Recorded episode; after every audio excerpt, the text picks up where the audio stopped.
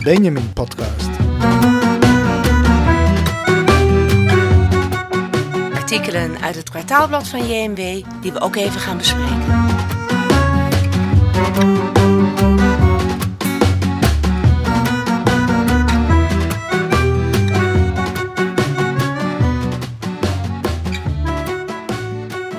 Welkom bij de Benjamin Podcast. Ik ben Ferry Biederman.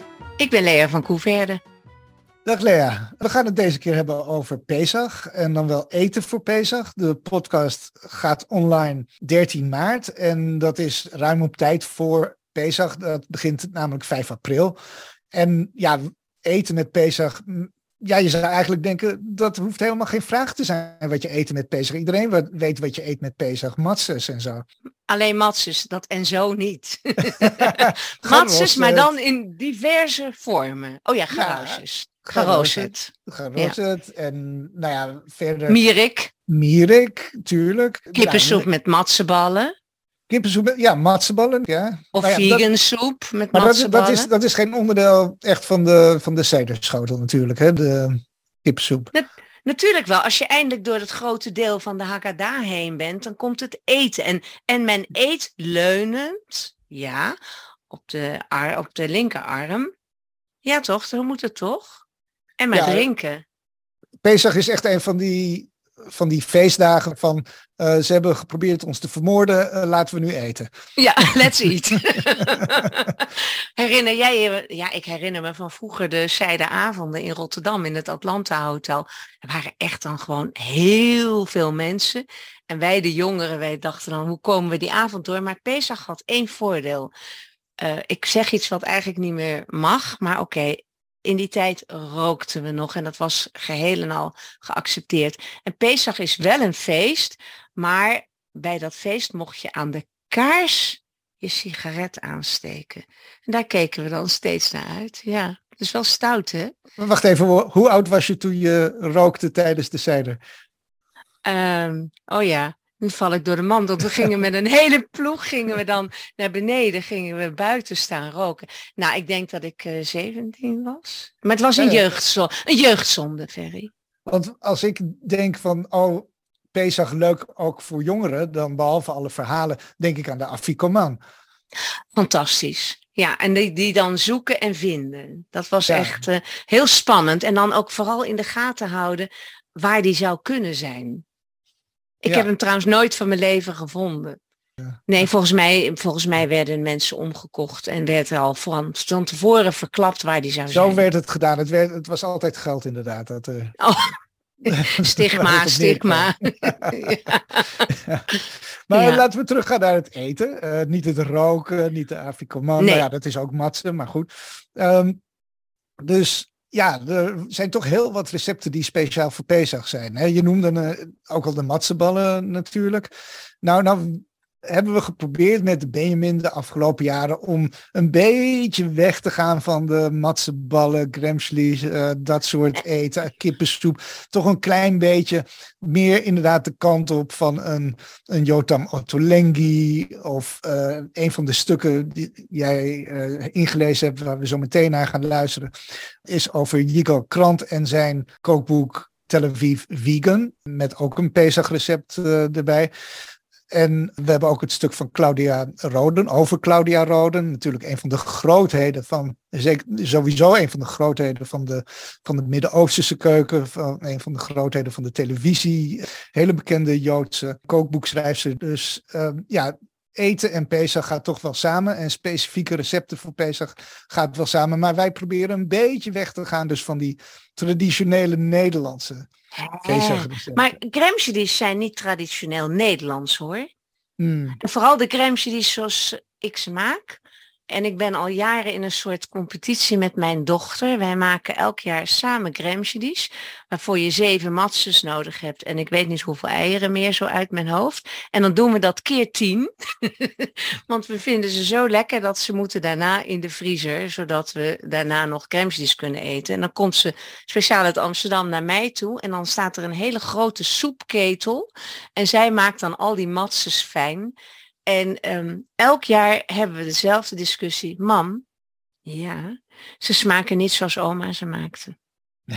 en dus zijn we elk jaar doen we er weer iets bij of iets af of iets anders. En ja, nu heb ik het oude kookboek van mijn oma gevonden. Dat heeft de oorlog overleefd. Handgeschreven Duits-Joods kookboek. daarin staat dan een recept voor gremsjes met rode wijnsozen, met rode wijnsaus. Mm. Dat is denk ik dan iets wat we dit jaar maar eens gaan uh, proberen. Dus um, nou, misschien dat ze dan smaken zoals mijn moeder ze maakte. Dus dat is de eerste keer dat je echt teruggaat naar de bron, de oorsprong van het Kremslies recept van jouw familie.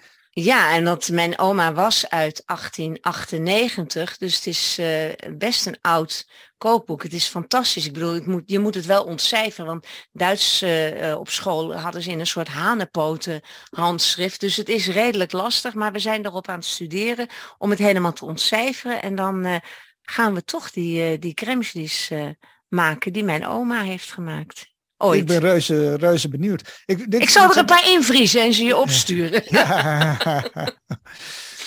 Want dit soort verhalen, dat is natuurlijk ook waar Claudia Roden zich heel erg op gericht heeft. Het is een soort antropologie van uh, het koken en van heel vaak ook van de Joodse keuken. Dat heeft ze ook gedaan.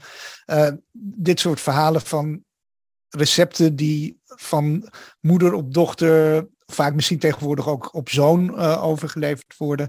Dat is, dat is natuurlijk waar Claudia Roden heel erg mee bezig is geweest. En um, een, een, van de dingen die me opviel, want ik heb haar toen geïnterviewd in, in 2020 voor dit artikel. En uh, dat ze in haar oorspronkelijke boek, De Joodse Keuken, had ze niks uit Amsterdam. En daar heeft ze later heeft ze daar de gemberbolus aan toegevoegd, pas, uh, pas recent. omdat ze zegt ook, er kwamen geen verhalen uit van Nederlandse Joden. Die waren zeer gesloten en uh, ze wist eigenlijk niet wat voor keuken daar bestond. En, uh, Hersenen, niertjes en maag, toch? Of zoiets? De Ashkenazische keuken dan vooral. orgaan, uh, orgaanvlees. nou, dat is natuurlijk helemaal, tegenwoordig kan dat eigenlijk niet meer, terwijl we zoveel op vegetarisch en vegan overgaan. Ik zit trouwens ineens te denken, in Gremsjes gaan eieren. Dus hoe doe je dat als je vegan bent? Bestaat er vegan eier gebeuren? Volgens mij zijn er vervangers, inderdaad. Ja, dat, uh, dat kan je, dan moet je, moet je even opzoeken, want ik ben zelf ook niet vegan, dus ik kan je daar niet mee helpen. Ik ben wel vegetarisch, maar niet vegan. Ik eet wel ei en kaas, ja. ja. Maar, ook geen vis. Maar als jij zegt van uh, orgaanvlees, kijk, als je dan vlees eet, is het juist goed om alles te eten van het beest. En, Nee. Het is maar oh, goed dat, dat het een podcast is en dat mensen mijn gezicht niet kunnen nou, zien. Nou, gehakte lever is fantastisch bijvoorbeeld. Ja. Hm. Nee, nee, toch? Nee, niks voor jou. Hoe lang ben je al vegetarisch? Uh, een jaar of uh, vijftig. Ja, dus, dus voor jou ook geen kippensoep uh, met nee, matseballen? Nee, nee, Andere soep, groentesoep ja? met matseballen? Ja, groentesoep. Ja, geen enkel probleem. Net zo lekker. En ik weet niet hoe het... Ja, ik, ik was twaalf of zo toen ik uh, uh, stopte met het eten van alles wat oogjes heeft gehad. Dus ook geen vis. Dus um, nee, ik maak het al soep op een andere manier.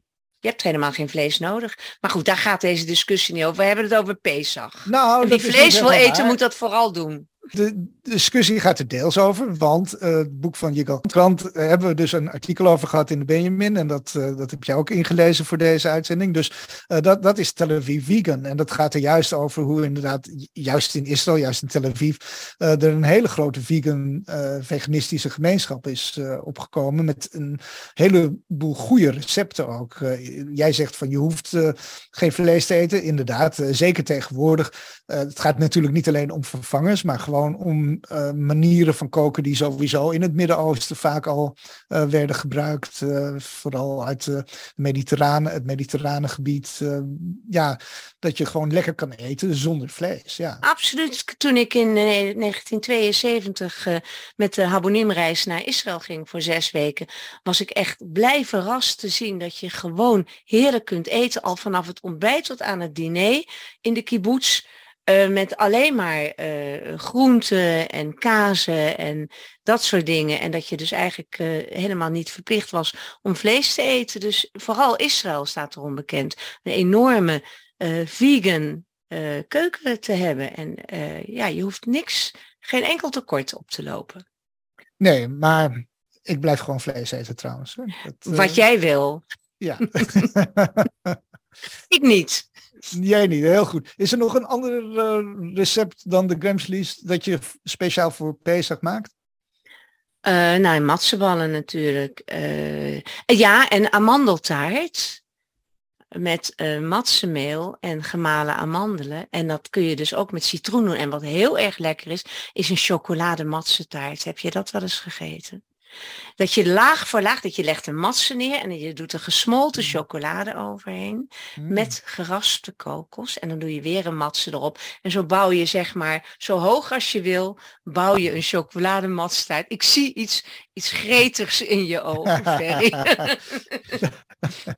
het is heel makkelijk om te maken, maar het is zo ontzettend lekker. Dus je kan echt zoveel. En mijn moeder maakte dan inderdaad de amandel citroen uh, met matsemeel. Ja.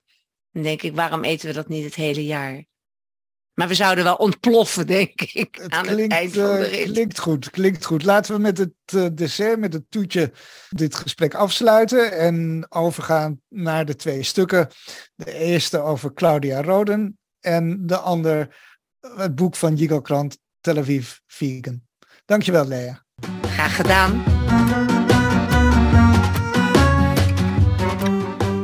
Voor het Pesach-nummer 2020 van de Benjamin interviewde Ferry Biederman Claudia Roden, die toen 84 was.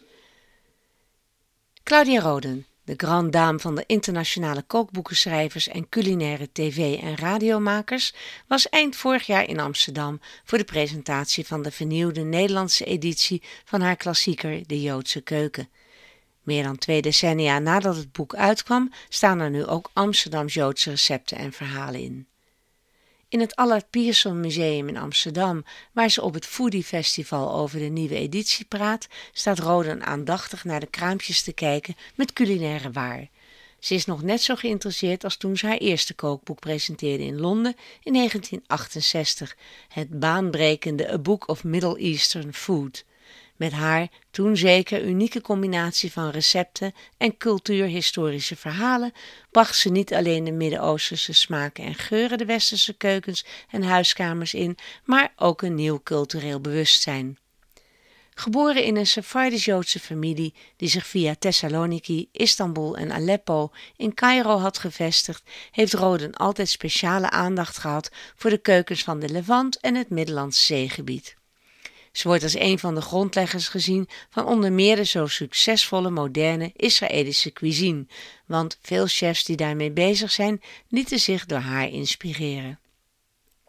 Roden woont al decennia in Londen, maar reist nog steeds de hele wereld af, onder meer op zoek naar nieuwe recepten. Ze komt ook vaak naar Amsterdam, waar ze bevriend was met de Joodse culinair journaliste en schrijfster Berthe Meijer. Roden is meteen ontwapenend. Ze is zich nog aan het voorbereiden voor de presentatie van de nieuwe editie.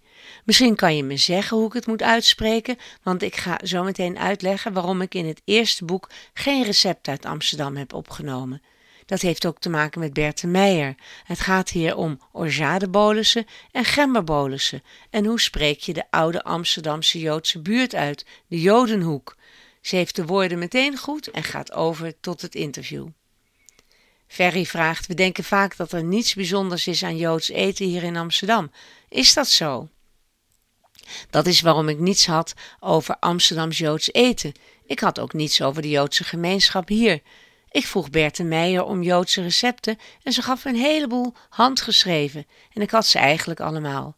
Het waren Ashkenazische recepten die ik in Frankrijk, Engeland en Amerika al had gekregen. En ik vond de Franse beter, want daar maakten ze het net een beetje lekkerder. Het zijn per slot van rekening Fransen. Bertha gaf me één recept dat ik nog niet op mijn lijst had staan en dat was kogel met peren. Daarna duurde het nog zo lang voordat ik het boek ging schrijven dat ik, toen het bijna af was, me realiseerde dat ik het recept kwijt was. Dus ik belde haar op om het opnieuw aan te vragen en ze zei: Nee, want het is te zwaar. Ik maak tegenwoordig tatin. Maar tarte tatin is niet Joods, dus dat kwam er niet in.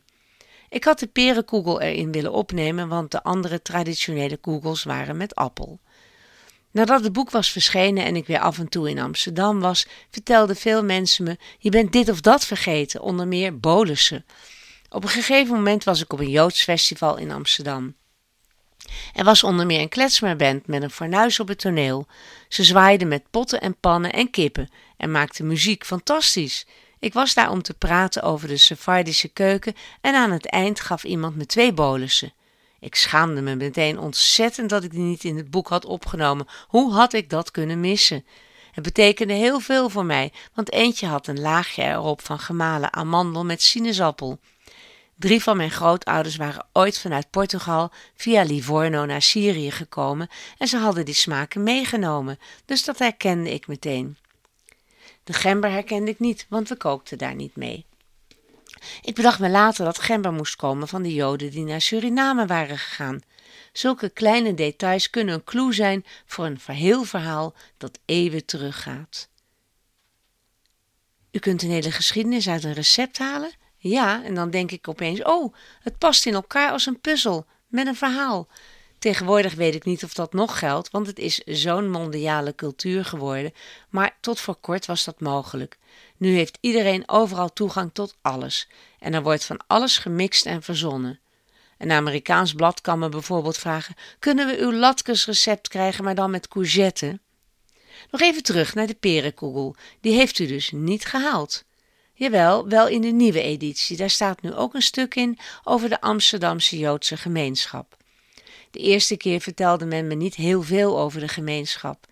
Ik denk dat toen het Jodendom en het leven van de Joden hier nog gevoelige onderwerpen waren. Ze hadden me eigenlijk niets te zeggen, maar een paar jaar geleden vroeg mijn Nederlandse uitgever of ik voor een nieuwe editie ook het verhaal van de Amsterdamse Joden kon opschrijven. Ik was daar heel blij mee, een beetje verbaasd ook, maar het gaf me de gelegenheid om onderzoek te doen naar de Nederlandse Joden. Toen ik hem later zag, legde ik hem al dat onderzoek voor en hij schrok een beetje en zei: Nee, alsjeblieft, we hebben er maar vier pagina's voor, inclusief de recepten. Waren de verhalen hier in Nederland vergelijkbaar met wat u elders had gehoord? Wat verschilde was de Portugese gemeenschap. Ik was gewend om te horen over de Ashkenazische gemeenschappen die naar Frankrijk en Engeland waren gekomen, naar Amerika en Zuid-Afrika. Dat waren grote migraties. Hier kwamen de Ashkenazim veel eerder, vooral uit Duitsland als daar ergens vervolgingen waren. In Groot-Brittannië kwamen ze eind 19e eeuw vooral uit Rusland en Oekraïne. In Frankrijk kwamen ze vooral uit Polen, dus er zijn veel meer Poolse smaken. In het boek staan heel veel Sephardische gerechten. U heeft ook heel veel geschreven over de Midden-Oosterse en Mediterrane keuken. Ziet u een band met de moderne Israëlische keuken? Toen mijn Midden-Oosterse boek uitkwam in Israël, noemden ze het daar niet Midden-Oosters eten, maar mediterraan eten, want de term Midden-Oosten was niet populair in het land. De uitgever zei nog: We geven het uit, maar verwachten niet dat iemand het hier koopt. Want mensen hebben een hekel aan de wereld van de Oriënt. Maar het werd razend populair. Een paar jaar geleden kreeg ik een onderscheiding op het Joodse Filmfestival in Jeruzalem en ik sprak er met de chefs die allemaal vertelden dat ze de nieuwe cuisine uit dat boek geleerd hadden. In de loop der jaren zijn veel Israëlische koks in Londen langsgekomen en ben ik naar Israël geweest.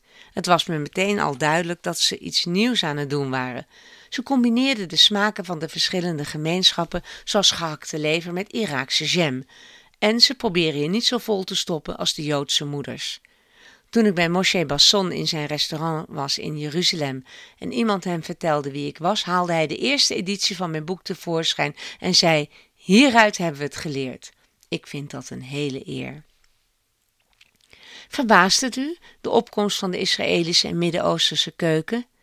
Ja, ik was heel lang de enige die Midden-Oosterse cuisine deed, zelfs onder de schrijvers over eten. In Israël waren er mensen begonnen de keuken van hun land van oorsprong weer nieuw leven in te blazen, maar in Londen waren er maar heel af en toe restaurants die modern Midden-Oosters eten serveerden en die waren dan binnen een paar maanden weer dicht. Ze deden het ook nooit goed. Het waren Franse chefs vooral. Eentje deed een Marokkaanse duivenpastei, maar dan deden ze er chutney in, of ze deden tabouleh met mosselen. Ik ging nooit een tweede keer. Niemand kwam er terug. Het duurde heel lang voordat Jotam Onketolengi op het toneel verscheen. Mijn kleinzoon had in zijn restaurant gegeten en kwam naar me toe en zei: Dat waren de gerechten die we thuis eten. Hij kon het niet geloven. Nu kopieert iedereen in Engeland wat Jotam doet en in Amerika. Ziet u buiten Israël ergens anders ook innovatie in het Joodse eten? Ja, in Amerika. Daar veranderen ze veel. Er is een website waar ze Joods eten presenteren, traditioneel en modern. Voordat de Israëlische chefs opkwamen, werd ik vooral gebeld door Amerikaanse chefs, die me vroegen van hoe doe ik een seder op zijn Marokkaans en dat soort dingen. Maar de Israëliërs pakken het goed aan. Ze zijn innovatief zonder dat het te gek wordt. Niet zoals sommige dingen die je op Instagram ziet. Het is mediterraans, joods, meestal Sephardisch, gezond, waar mensen van houden en het ziet er ook nog goed uit.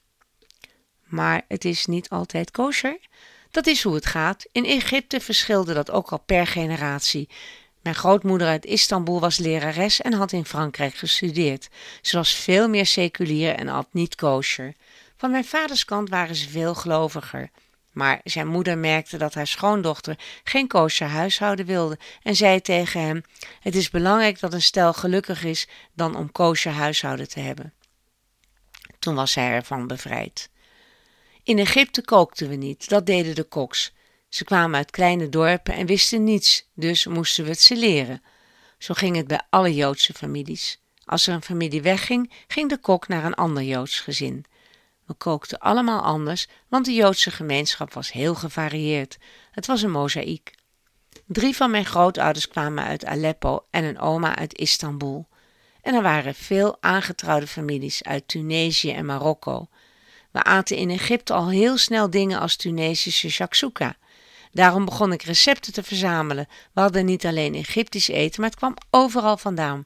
En er was geen kookboek te vinden in Egypte.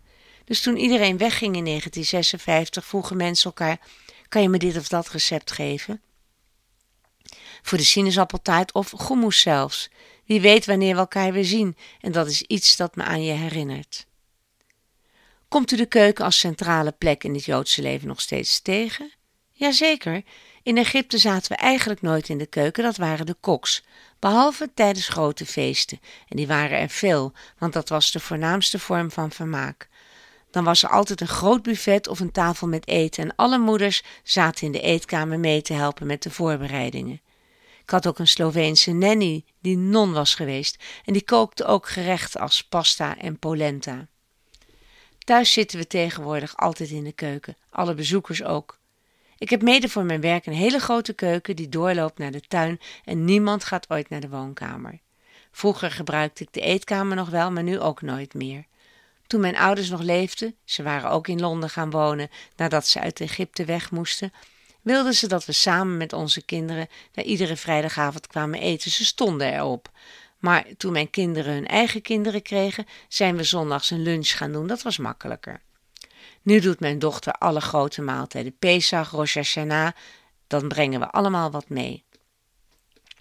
Hebben Joden en eten iets speciaals of heeft iedereen dat wel? Ik denk dat Joden veel meer nadenken over eten. Vorig jaar woonde ik een gelegenheid bij in Deventer, een avond van het kookboek. En ik zat daar aan een grote eettafel en realiseerde me dat iedereen daar Joods was en dat ze allemaal prijzen hadden gewonnen en speciale dingen hadden gedaan met eten. Maruska Metz was er, van Beekhoff en Yigal Krant, die net een prijs had gewonnen. En ik dacht, waarom zijn juist jullie zo geïnteresseerd in eten? Ze hadden niet echt een antwoord. Eten speelt natuurlijk een hele belangrijke rol in het traditionele Jodendom. Als je kashrut moet houden, dan geeft dat eten een spiritueel belang en speelt de gedachte daarover iedere dag mee. Maar kosher eten was toch niet per se lekker hier in Nederland en zelfs vroeger in Israël niet? Nee, het was zeker niet goed, maar de Sephardim hielden van lekker eten, die leggen veel meer de nadruk op genieten. Maar veel van het eten was wat Joden kookten voor Shabbat. Dat moest uren opstaan en was niet altijd even smakelijk. Ik herinner me een mop over schriftgeleerden in Israël die samen cholent aten en een van hen zei: Het is niet echt lekker, waarop iemand anders antwoordde: Het is niet de bedoeling dat het lekker is.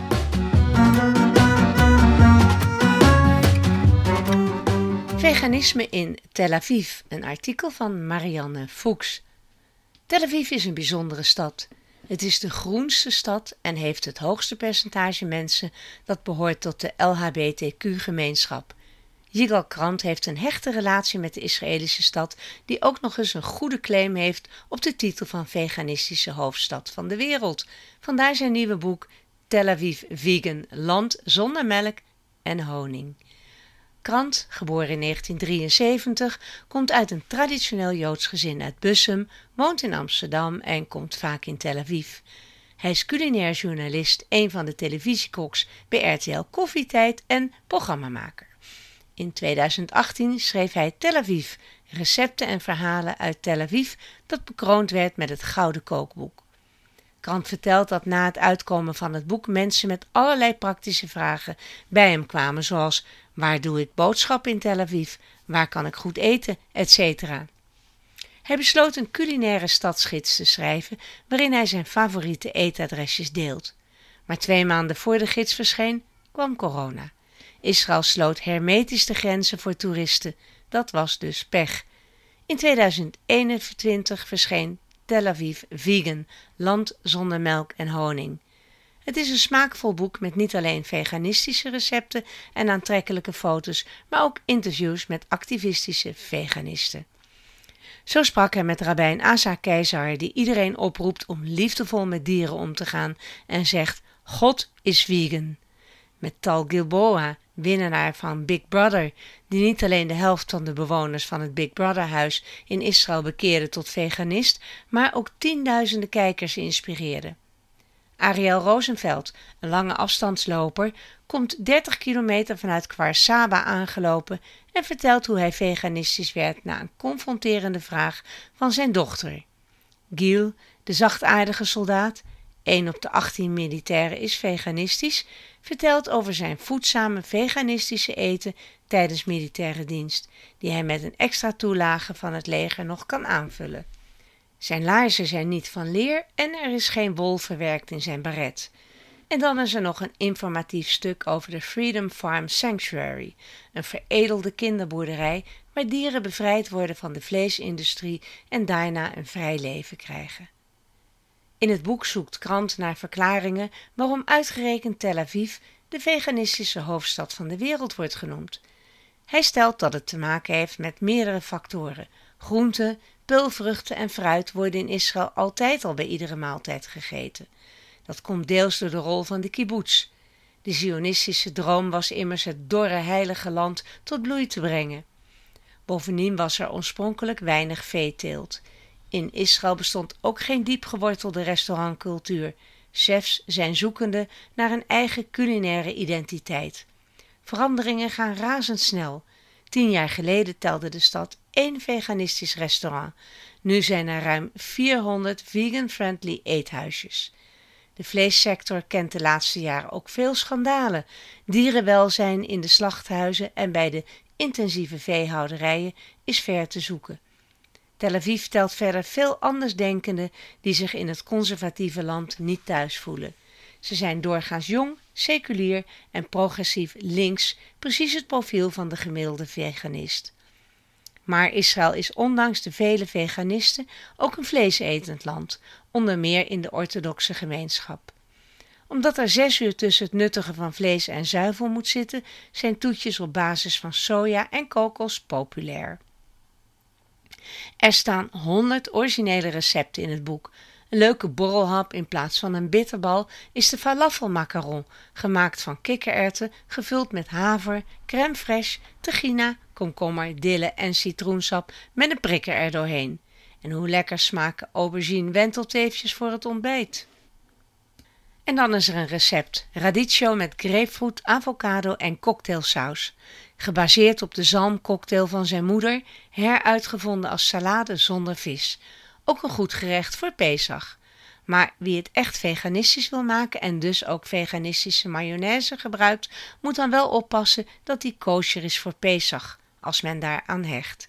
De ingrediënten zijn twee grote rode grapefruits, twee rijpe avocado's, het sap van een halve citroen, een theelepel anijszaad, twee eetlepels mayonaise, 1 theelepel ketchup, 1 eetlepel cognac, 250 gram radicchio di Treviso, oftewel roodlof, 20 gram gari, dat is sushi gember, 40 gram pijnboompitten, licht geroosterd. En hoe bereid je dit alles? Schil de grapefruits met een scherp mes. Doe dit royaal, zodat het vruchtvlees bloot komt te liggen. Snijd de partjes los door met het mes langs de vliezen te snijden. Halveer de avocado's, verwijder de pitten en lepel het vruchtvlees uit de schil. Snijd in plakjes en besprenkel die met citroensap en bestrooi met een snufje zout.